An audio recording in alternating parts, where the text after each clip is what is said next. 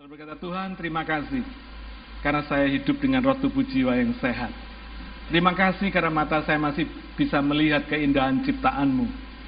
Ya, 40 tahun mereka dikasih makan mana. Untuk kebutuhan gizi, protein mereka dikasih burung puyuh, saudara. Ketika mereka teriak, Tuhan mana daging? Burung puyuh datang. Setiap kali mereka berkata, mana daging Tuhan? Burung puyuh datang. Kira-kira mereka akan berkata apa? Puyuh lagi, puyuh lagi. Kan gitu saudara ya. 40 tahun loh.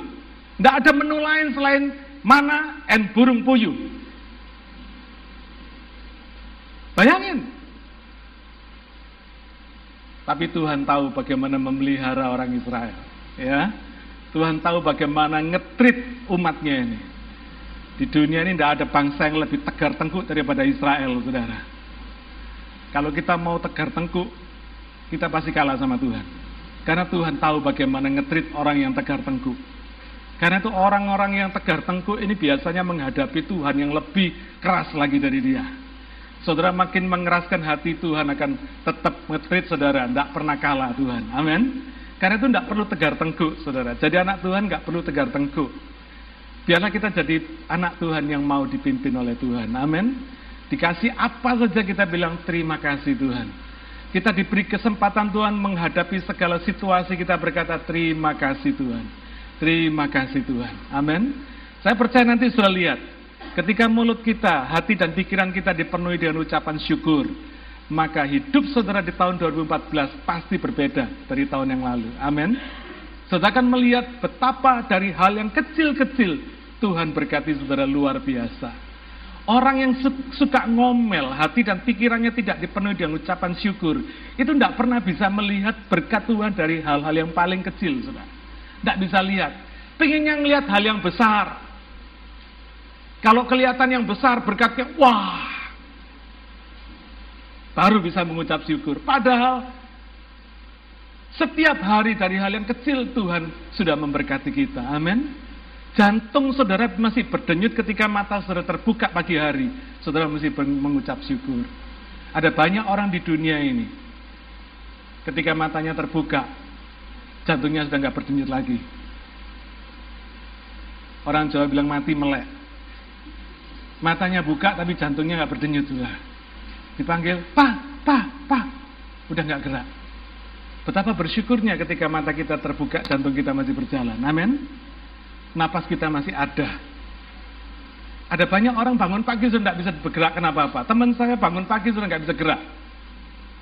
Stroke. Mau teriak nggak bisa. Ah, ah, ah. Sininya sudah metot. Betapa bersyukurnya kalau bangun pagi kita tangan kita masih bisa diangkat, masih bisa nyembah Tuhan. Amin. Masih bisa mandi, saudara, nggak dimandiin. Bayangin, Betapa kita nih hidup ini dari hal yang paling kecil Tuhan itu sebenarnya sudah memberkati kita tiap hari. Karena itu biarlah hati dan pikiran kita mengucap syukur. Amin. Ada nggak di sini suami atau istri yang selalu mengeluh tentang pasangannya? Suami mengeluh tentang istrinya, istrinya mengeluh tentang suaminya. Ada nggak gitu? Gak ada ya? Puji Tuhan, gak ada yang ngaku. Gizi protein Tuhan sediakan. Puyuh, Pakaian mereka tidak usang. Artinya pakaian mereka selalu baru. Dalam bahasa Inggris dikatakan didn't grow old. Tidak menjadi usang. Selalu baru. Selalu pas sama baju apa sama pertumbuhan tubuhnya. Kalau yang dulunya 4 tahun pakai hansop sampai umur 17 tahun hansopnya bisa mekar sendiri, kira-kira begitu. Pakainya bisa menyesuaikan diri dengan pertumbuhan tubuhnya. Kalau dulu langsing, sekarang langsung tetap bisa mengikuti kelangsungannya. Luar biasa saudara, ini dahsyat. Ya. Di padang gurun nggak ada Mayer ataupun David Jones untuk kita tukar baju. Tapi Tuhan memberikan pakaian selalu cocok, didn't grow old. Bayangin kalau sampai pakaian aja Tuhan jaga, didn't grow old. Saudara percaya nggak kalau hidup saudara pun juga Tuhan jaga supaya didn't grow old. Amin. Usia bisa bertambah, tapi ingat roh saudara akan tetap muda. Amin. Saya saya pernah katakan pada saudara kan, roh kita selalu muda. Karena roh itu kekal. roh kita dengan roh anak kecil sama. Karena sama-sama kekalnya. Saudara yang bikin kita cepat tua itu apa sih sebetulnya? Karena kita terikat dengan dimensi yang natural tadi. Ya kan? Saudara saya percaya kita, umur kita boleh bertambah. Tapi hati kita bisa tetap muda. Roh kita bisa tetap muda. Semangat kita tetap kayak anak muda. Amin. Haleluya. Jangan kalah sama anak muda, saudara. Saudara boleh berusia bertambah. Tambah satu tahun lagi. Tidak apa-apa. Tapi semangat. Roh kita harus tetap muda. Segar, ya. Kaki mereka tidak bengkak. Selama 40 tahun mereka berjalan di, di padang gurun mereka tidak bengkak. Kenapa? Karena Tuhan menjaga supaya mereka mampu menyelesaikan perjalanan mereka sampai ke tanah Kanaan. Luar biasa. Ya, Tuhan jaga. Saya percaya Tuhan sudah mempersiapkan saudara untuk mampu menghadapi hidup ini. Di dalam situasi apa pun juga, sesulit apa pun juga situasi yang saudara hadapi hari ini, Tuhan tetap mampu menjaga saudara. Supaya saudara mampu menyelesaikan perjalanan di dunia ini sampai ke tanah perjanjian kita, sorga yang mulia. Amin. Haleluya. Nah, logika kita sering kali tidak bisa percaya akan hal-hal supranatural ini, saudara.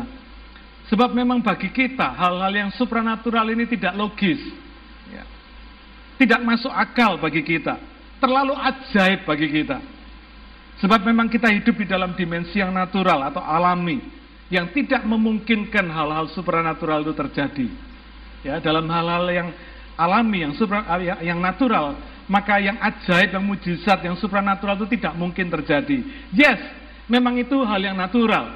Tetapi saya perhatikan, bagi Tuhan, hidup di dalam dimensi natural itu memang sudah dimensinya. Amin. Bagi kita ajaib, bagi Tuhan enggak.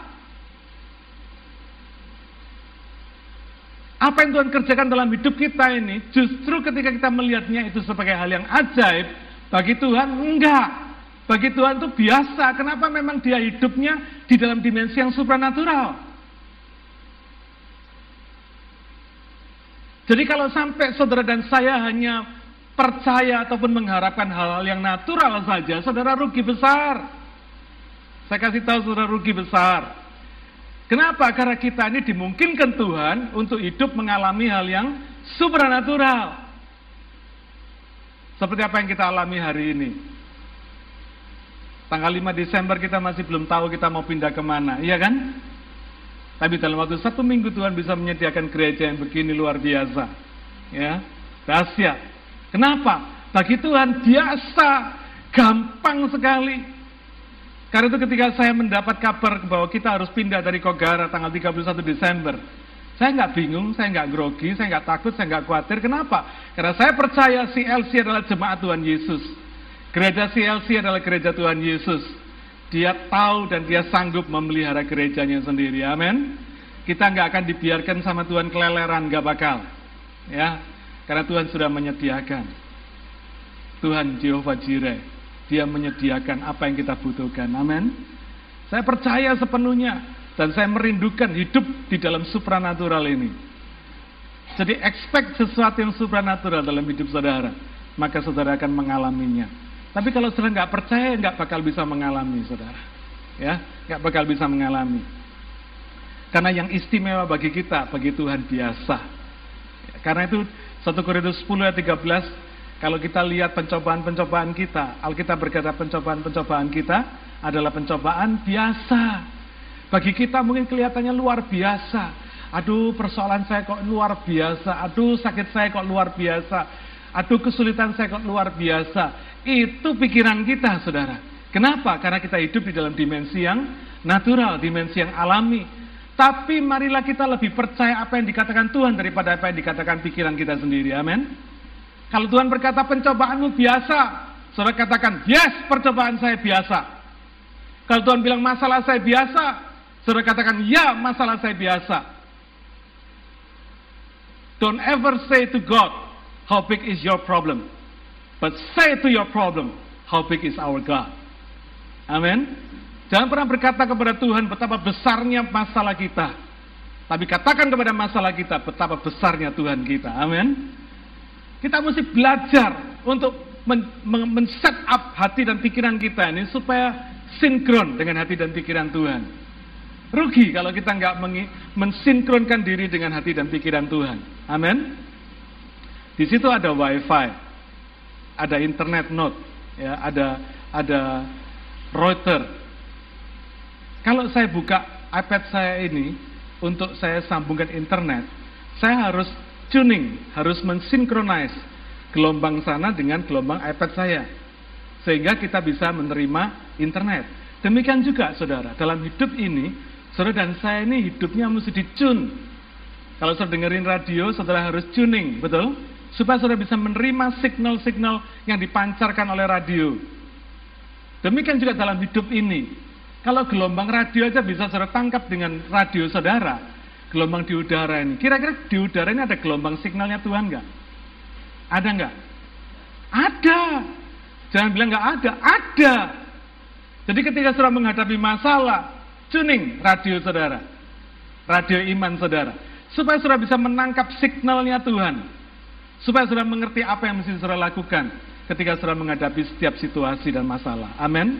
Jadi saudara nggak bingung, saudara nggak stres, saudara nggak harus takut dan khawatir. Tahun 2014 jangan pernah ada takut dan khawatir lagi. Amin.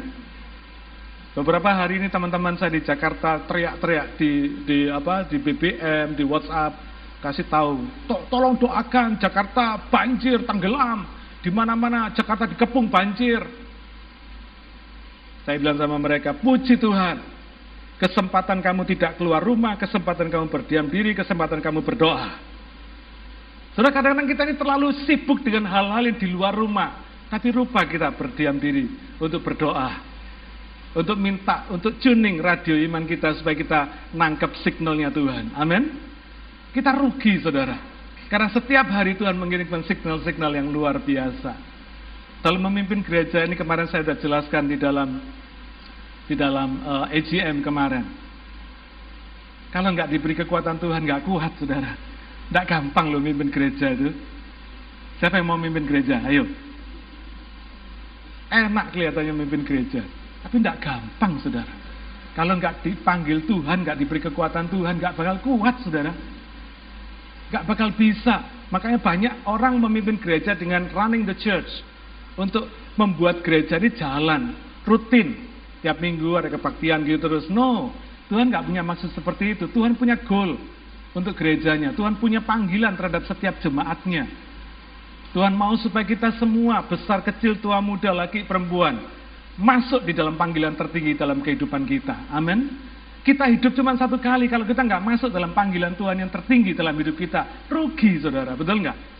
Ketika kita sampai ke sorga, kita ketemu Yesus di sana, terus kita tanya sama Tuhan, Tuhan sebetulnya maksudmu apa sih saya hidup di dunia? Lalu tunjukkan blueprintnya sama Tuhan. Ini loh, rencanaku dalam hidupmu. Loh, coba oh, kan itu saudara ya. Aduh, tidak tahu Tuhan saya. Coba oh, saya mau mengikuti. Sebetulnya kamu tuh direncanakan jadi direktur. Loh, coba oh Tuhan. Cuma salesman tok. Kira-kira begitu saudara ya. Saya nggak merendahkan salesman. Tapi saya mau kasih tahu saudara.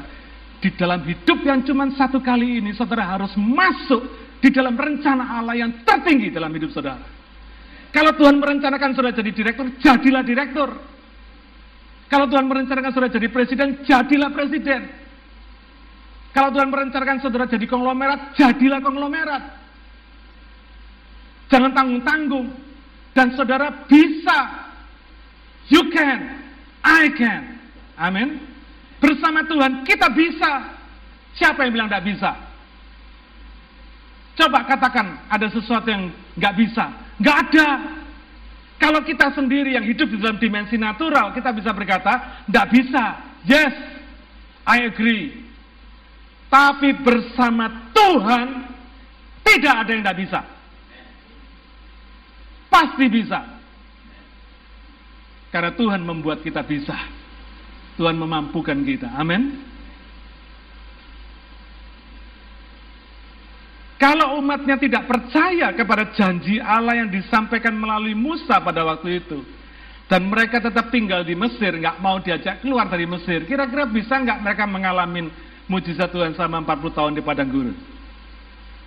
Mereka akan tetap di Mesir, hidup serba kekurangan, ya kan? Jadi budaknya orang Mesir.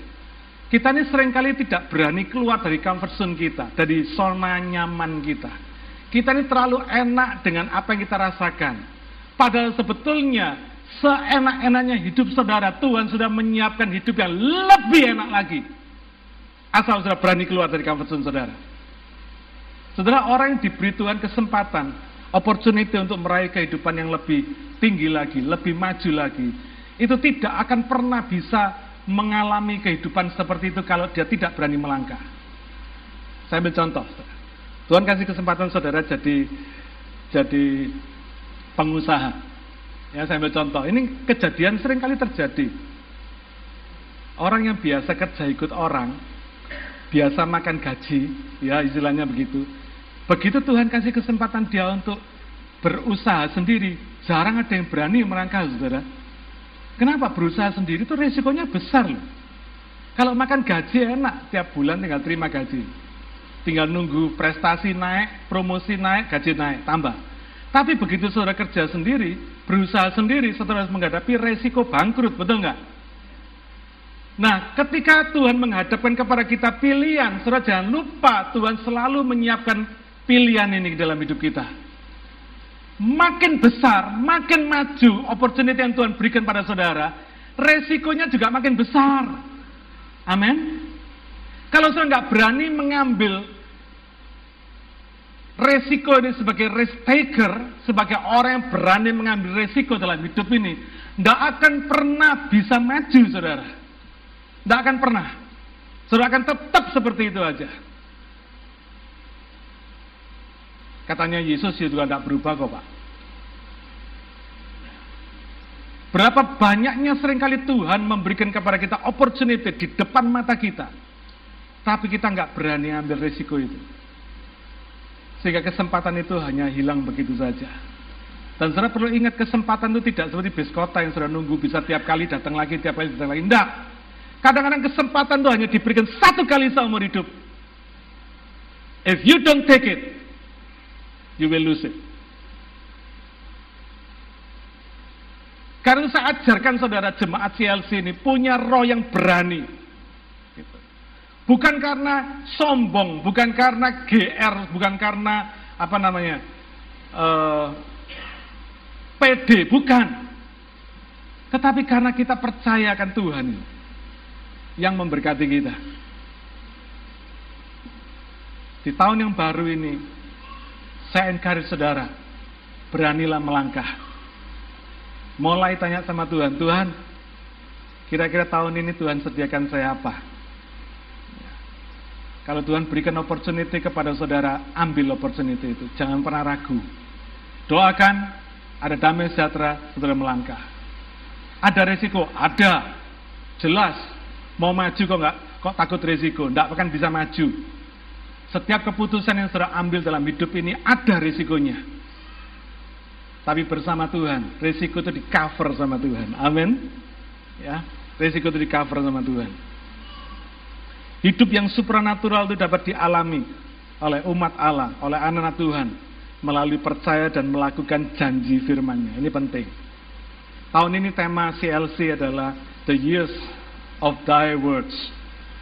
Tahun firman ya, tahun firman. Karena itu saya rindu supaya jemaat bukan cuma tahu firman, ngerti firman, tapi juga praktek firman, supaya ngalami kuasa firman. Amin. Saya ambil contoh, saudara. Bayar perpuluhan.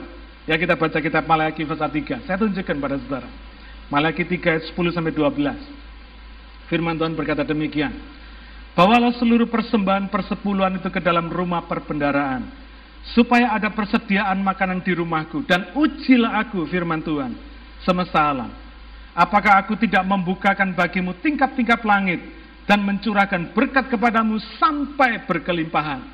Ayat yang ke-11, aku akan menghardik bagimu belalang pelahap, supaya jangan dihabisinya hasil tanahmu Dan supaya jangan pohon anggur di padang tidak berbuah bagimu. Firman Tuhan semesta alam. Maka segala bangsa akan menyebut kamu berbahagia. Sebab kamu ini akan menjadi negeri kesukaan. Firman Tuhan semesta alam. Saudara ketika sudah membayar perpuluhan, Alkitab mengatakan Tuhan pasti bukakan tingkap-tingkap langit. The windows of heaven. Bahasa Inggrisnya. Saya lebih suka untuk melihat terjemahan dalam terjemahan bahasa Inggris. Lebih mendekati arti aslinya. Kadang-kadang terjemahan bahasa Indonesia kurang pas, saudara ya.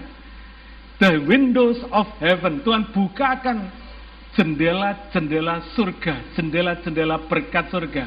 Kira-kira menurut saudara ada berapa jendela berkat di surga? Tak terhingga. Betul? Bukan cuma satu. Jendela rumah saudara terhitung, jendela surga nggak terhitung. Unlimited. Dia bukakan semuanya. Supaya apa? Supaya Tuhan bisa mencurahkan berkatnya dalam Alkitab dikatakan sampai tidak ada tempat yang cukup untuk menampungnya.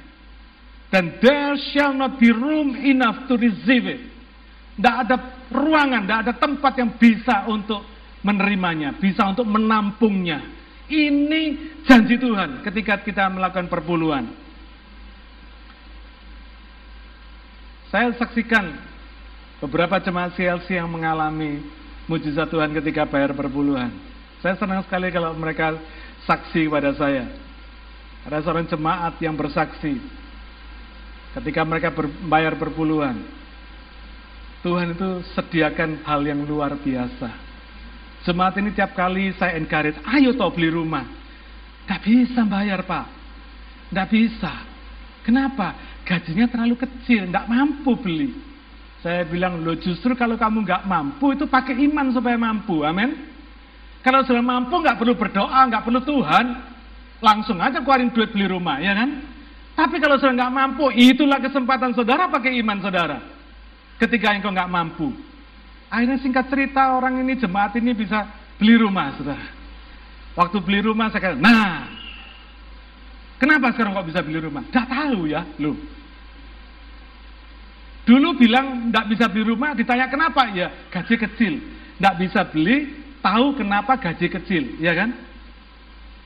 Tapi sekarang bisa beli rumah, ditanya kenapa nggak? Kenapa bisa beli rumah? Nggak tahu. Tiba-tiba aja Tuhan kondisikan sehingga dia bisa beli rumah. Dahsyat nggak, saudara? Saya tanya, kamu home loan ya? Ya, home loan. Kok bisa ada yang mau ngutangi ya? Gaji kecil, ngutangi 30 tahun. Mungkin 30 tahun dia sudah nggak kerja lagi. Sudah pensiun. Kok masih diutangi 30 tahun ya? Ingin saudara. Tuhan tuh bisa mengkondisikan begitu rupa. Sehingga semua yang mustahil bisa terjadi. Ya. Bagi saudara jemaat yang lama sudah dengar kesaksian saya bagaimana saya bisa beli rumah. Semua mustahil. Tapi Tuhan bisa kondisikan semua terjadi. Amin. Luar biasa. Sampai ketika dia sudah beli rumah. Setiap sekian tahun Lalu saya berkata, coba kamu tak ajari sini, tak kasih ilmunya sedikit, ilmu properti. Supaya kamu bisa dari rumah satu jadi rumah dua, dari rumah dua bisa jadi rumah tiga. Wah, enggak bisa pak. Kenapa? Enggak ada, sudah mentok. Home sudah enggak ada lagi. Katanya. Saudara singkat cerita, baru-baru ini dia bersaksi. Bagaimana dia ditawari bank, dikasih home loan 100%, disuruh beli properti, properti yang sudah ada tenannya, belum settlement tenannya sudah bayar dulu ke dia. Luar biasa enggak saudara? Mana ada itu, cari keliling di dunia enggak pegel ada saudara. Tapi bersama Tuhan, kita bisa. Amin. Ajaib saudara. Diam-diam saudara ditawari bank. Lo tak kasih loan ya, 100% beliau itu rumah. Beliin wes. Ada tenannya sekali. Belum settlement sama bank, tenannya sudah bayar kontrak sewanya kepada dia. Mana ada saudara? Dan yang luar biasa rumah yang pertama yang mestinya kontrak loannya 30 tahun. Bisa dalam waktu kurang dari 10 tahun bisa lunas. Dari mana? Ditanya dari mana kamu kok bisa lunas 10 tahun? Tidak tahu. Itulah iman. Ketika otak saudara masih tahu, saudara nggak butuh iman. Tapi ketika otak saudara sudah nggak tahu, di situlah iman saudara bekerja. Nangkep nggak saudara? Amin. Saya encourage tahun 2014 ini, saya ajak semangat semua kita sudah melihat bagaimana kita secara gereja, secara institusi, kita diberkati dengan ajaib sama Tuhan hari ini. Amin. Saudara ada bersama saya di sini beribadah di tempat yang luar biasa ini. Karena Tuhan ajaib. Amin. Bukan karena saya ajaib, enggak. Tuhan ajaib. Karena itu saya ajak kita semua, kalau gereja ini bisa mengalami hal yang ajaib, kenapa jemaatnya secara pribadi tidak bisa mengalami yang ajaib? Sama kita bisa mengalami. Karena Tuhan yang kita sembah adalah Tuhan yang sama. Amin.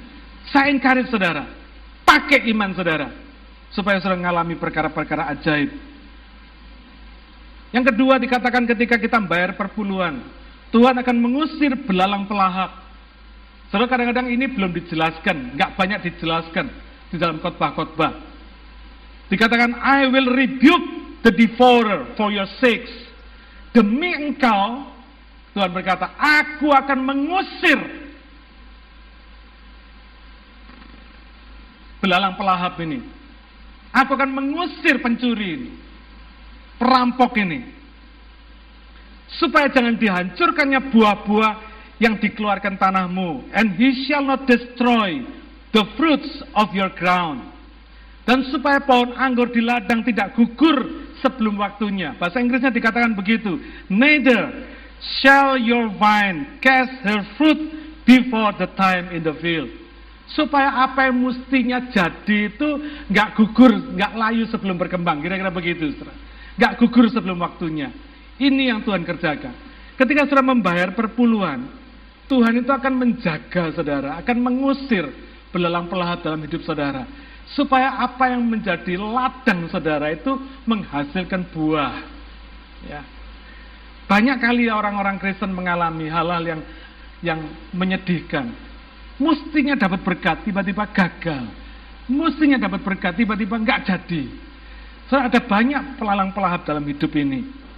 Ya, saudara sadari atau nggak sadari, di dunia ini ada belalang pelahap. Ini mau saya jelaskan, yaitu iblis yang kerjanya apa? Mencuri, membunuh, dan membinasakan. Mari kita baca. Kitab Yohanes 10 ayat 7 sampai 10. Saya akan jelaskan ini. Maka kata Yesus sekali lagi, Aku berkata kepadamu, Sesungguhnya akulah pintu ke domba-domba itu. Semua orang yang datang sebelum aku adalah pencuri dan perampok. Dan domba-domba itu tidak mendengarkan mereka. Akulah pintu. Barang siapa masuk melalui aku, ia akan selamat dan ia akan masuk dan keluar dan menemukan padang rumput. Pencuri datang hanya untuk mencuri dan membunuh dan membinasakan. Aku datang supaya mereka mempunyai hidup dan mempunyainya dalam segala kelimpahan. Saya perhatikan di sini, Yesus mengidentifikasikan dirinya sebagai pintu ke domba-domba. Ya, pintu ke domba-dombanya. Nah saya mau tanya sama saudara, bagaimana pencuri bisa mencuri domba itu? Bagaimana pencuri bisa masuk, mencuri, membunuh, dan membinasakan?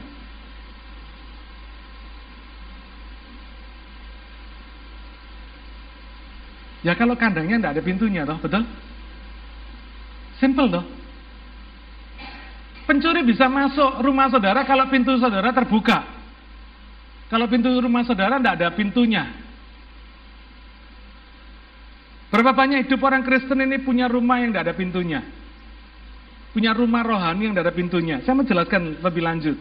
Ya. Pencuri itu bisa masuk, bisa membinasakan domba-domba itu kalau tidak ada pintunya. Kalau tidak ada Yesus di sana.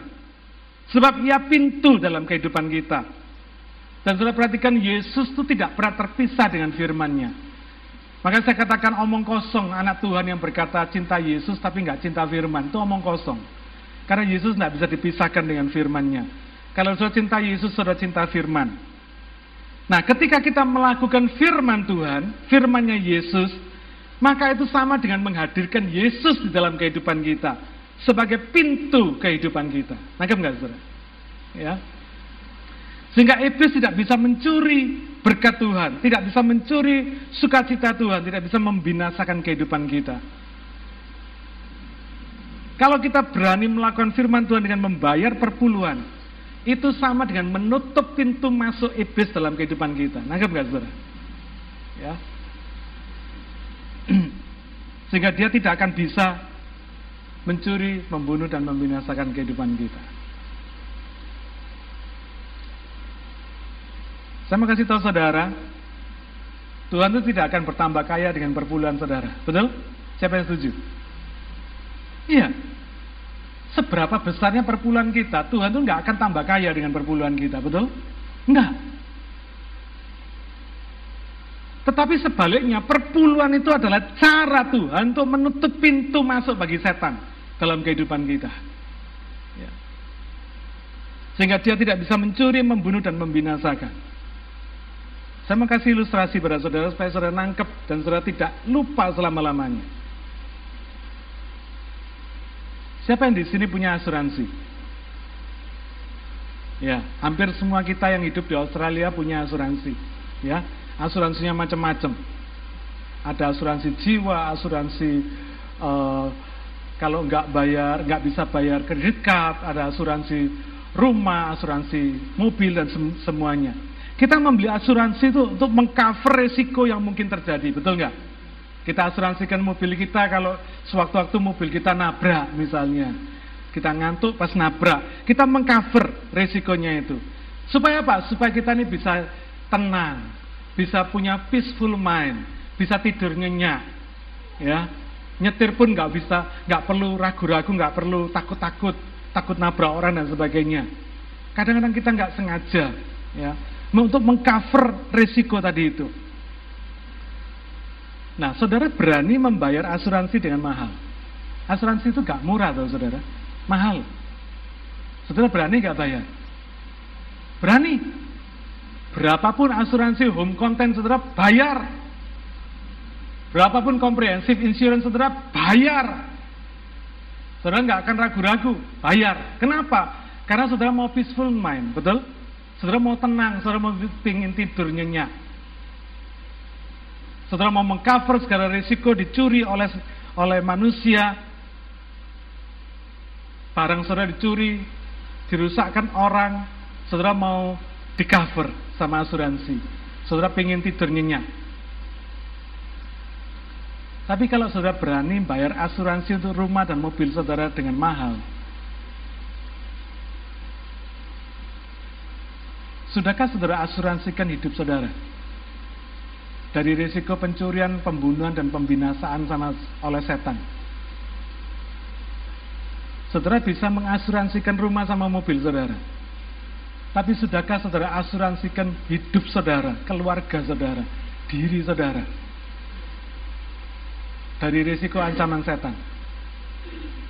Halo?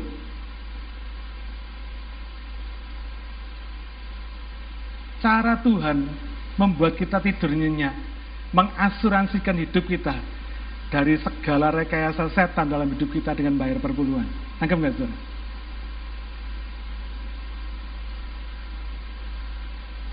Kira-kira biaya asuransi setahun yang saudara bayar dibandingkan dengan perpuluhan yang saudara bayar, kira-kira bagaimana? Dengan cover resikonya. Tak banyak loh saudara, betul? Tak beda jauh loh.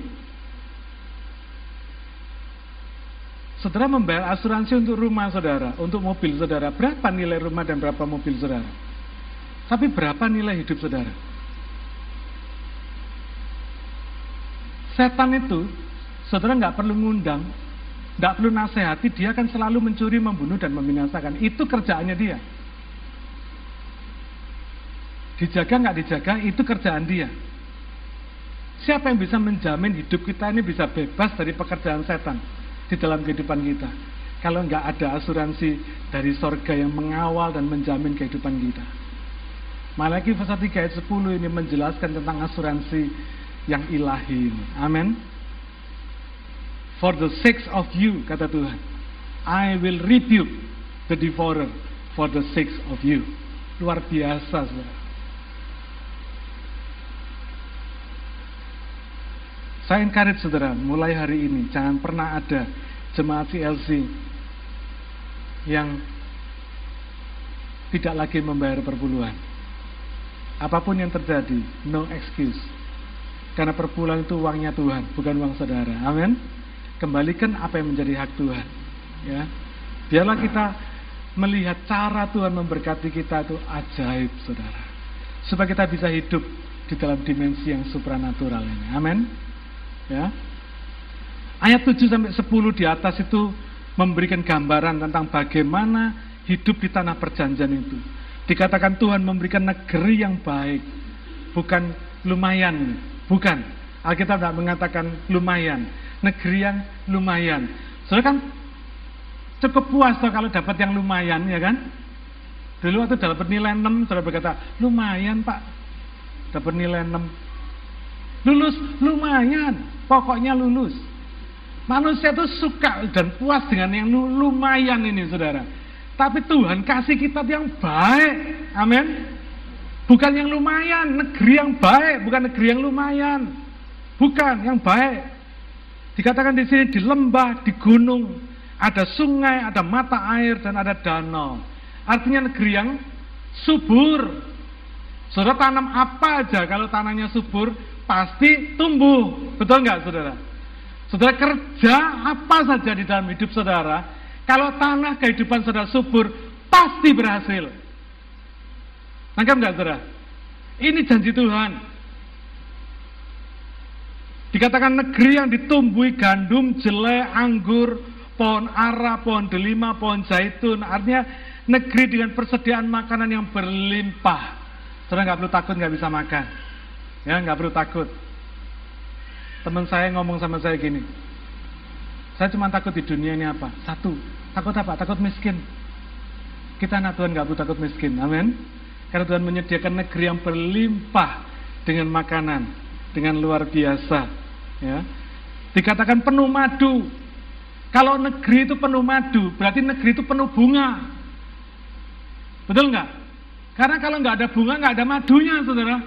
Lembahnya, apa lebahnya mau makan apa? bunga. Jadi kalau negeri itu penuh madu, artinya negeri itu negeri yang penuh bunga. Kehidupan saudaranya akan dibawa sama Tuhan, hidup yang penuh bunga, hidup yang indah. Amin. Punya suami, suami yang indah, punya istri, istri yang indah. Bukan suami dan istri yang menyebalkan, tidak. Indah, punya anak, indah. Punya usaha, indah. Punya pelayanan, indah semua indah dalam hidup ini. Ya. Dikatakan kamu akan makan roti dengan tidak perlu berhemat. Gak perlu ngincrit-ngincrit orang Surabaya berkata. Gak perlu sedikit-sedikit makan sapuasnya gitu saudara ya. All you can eat kira-kira begitu. Lalu dikatakan kamu tidak akan kekurangan apa pun. Artinya apa? Segala kebutuhan ada Butuh makan? Ada. Butuh minum? Ada. Butuh mobil? Ada. Butuh rumah? Ada. Butuh pekerjaan? Ada. Butuh pacar? Ada. Butuh kerjaan? Ada. Semua Tuhan sediakan ada. Jadi hidupnya anak Tuhan tidak akan pernah berkekurangan. Amin. Luar biasa ini janji Tuhan sudah lihat. Ya. Dikatakan batunya mengandung besi dan gunungnya kalau kau gali mengandung tembaga. Saudara ini rodok nggak enak. Saudara pernah lihat di daerah Middle East sana ya, daerah Timur Tengah, daerah Israel sana itu gunung dan batu. Saya kalau disuruh tinggal di sana mungkin nggak mau, saudara. Sejauh mata memandang batu, sejauh mata memandang gunung batu. Tapi Alkitab berkata, gunungnya mengandung besi dan gu, apa batunya mengandung besi dan gunungnya kalau kamu gali mengandung tembaga. Wah, saudara mulai berpikir, wah ya, pindah Middle East gitu, gitu ya. Saudara, ini Tuhan. Jadi kadang-kadang dalam hidup ini ada situasi-situasi yang keras, yang yang tidak mengenakkan, kelihatannya nggak bagus, tapi di balik semua situasi yang keras, dan tidak bagus tadi itu yang gersang tadi itu kelihatannya mengandung berkah. Mengandung harta karun yang luar biasa. Kamu akan makan kenyang penuh dengan resources yang berlimpah. Kebutuhan pokoknya tersedia. Dikatakan di sini umatmu umatnya umat Tuhan akan memuji Tuhan karena negeri yang baik yang diberikan kepada mereka Bahkan dalam kitab Yosua 24 ayat 13 dikatakan demikian. Demikianlah aku berikan kepadamu negeri yang kamu peroleh tanpa bersusah-susah. Dan kota-kota yang tidak kamu dirikan, tetapi kamulah yang diam di dalamnya. Juga kebun-kebun anggur dan kebun-kebun zaitun yang tidak kamu tanami, kamulah yang makan hasilnya. Luar biasa saudara. Inilah Tuhan yang memberikan janjinya. Sepintas kelihatannya Tuhan itu memanjakan anaknya, memanjakan umatnya. Negeri yang diperoleh tanpa susah payah. Orang itu kalau nggak pernah susah payah, nggak ngerti nilai susah payah itu, saudara ya. Karena meskipun sudah banyak uang, jangan manjakan anak saudara. Ajarlah anak saudara mengerti nilai uang itu. Ya, Dikatakan kota-kota yang didiami tanpa mendirikan. Kebun-kebun yang ditanami tanpa dinikmati, apa tanpa uh, menikmati kebun tapi tanpa menanaminya. Tapi kalau dilihat dari sisi Tuhan hal ini wajar. Kenapa wajar? Karena Tuhan selalu mau melihat anak-anaknya diberkati dengan melimpah. Tuhan lebih ingin memberkati anaknya daripada keinginan anaknya untuk diberkati. Sebesar-besarnya keinginan saudara untuk mendapat berkat Tuhan. Percayalah bahwa keinginan hati Tuhan lebih besar untuk memberkati saudara. Orang tua mungkin anaknya, anak saudara cuma ingin, ingin satu coklat, satu batang coklat. Tapi tidak pernah orang tua berkata merasa cukup ngasih satu coklat, tidak pernah. Orang tua selalu berkeinginan memberikan lebih kepada anaknya. Tuhan selalu senang dan melihat anaknya menikmati berkatnya dengan melimpah. Hal ini sudah diputuskan. Saya ulangi, hal ini sudah diputuskan di kayu salib. Saya ingin menutup dengan satu ayat. 2 Korintus 8 ayat yang ke-9. Karena kamu telah mengenal kasih karunia Tuhan kita Yesus Kristus bahwa ia yang oleh karena kamu menjadi miskin sekalipun ia kaya, supaya kamu menjadi kaya oleh karena kemiskinannya. Di atas kayu salib sana, kemiskinan saudara sudah diambil Tuhan. Kekurangan saudara sudah diambil Tuhan. Karena tadi saya katakan, ini sudah diputuskan oleh Tuhan dan tidak bisa berubah. Tuhan tidak mau hidup saudara miskin. Tuhan tidak mau hidup saudara serba kekurangan. Tuhan sudah memutuskan hidup saudara berkelimpahan. Dan sudah menikmati segala berkat lebih daripada keinginan saudara. Itu yang sudah diputuskan Tuhan di kayu salib 2000 tahun yang lalu. Hari ini kita tinggal menikmatinya. Karena itu harapkan berkat ilahi yang ajaib. Sebab kita sudah diberkati. Kita adalah orang-orang yang sudah diberkati. Bukan cari berkat sudah diberkati. Karena Yesus telah mengambil kemiskinan dan kekurangan kita.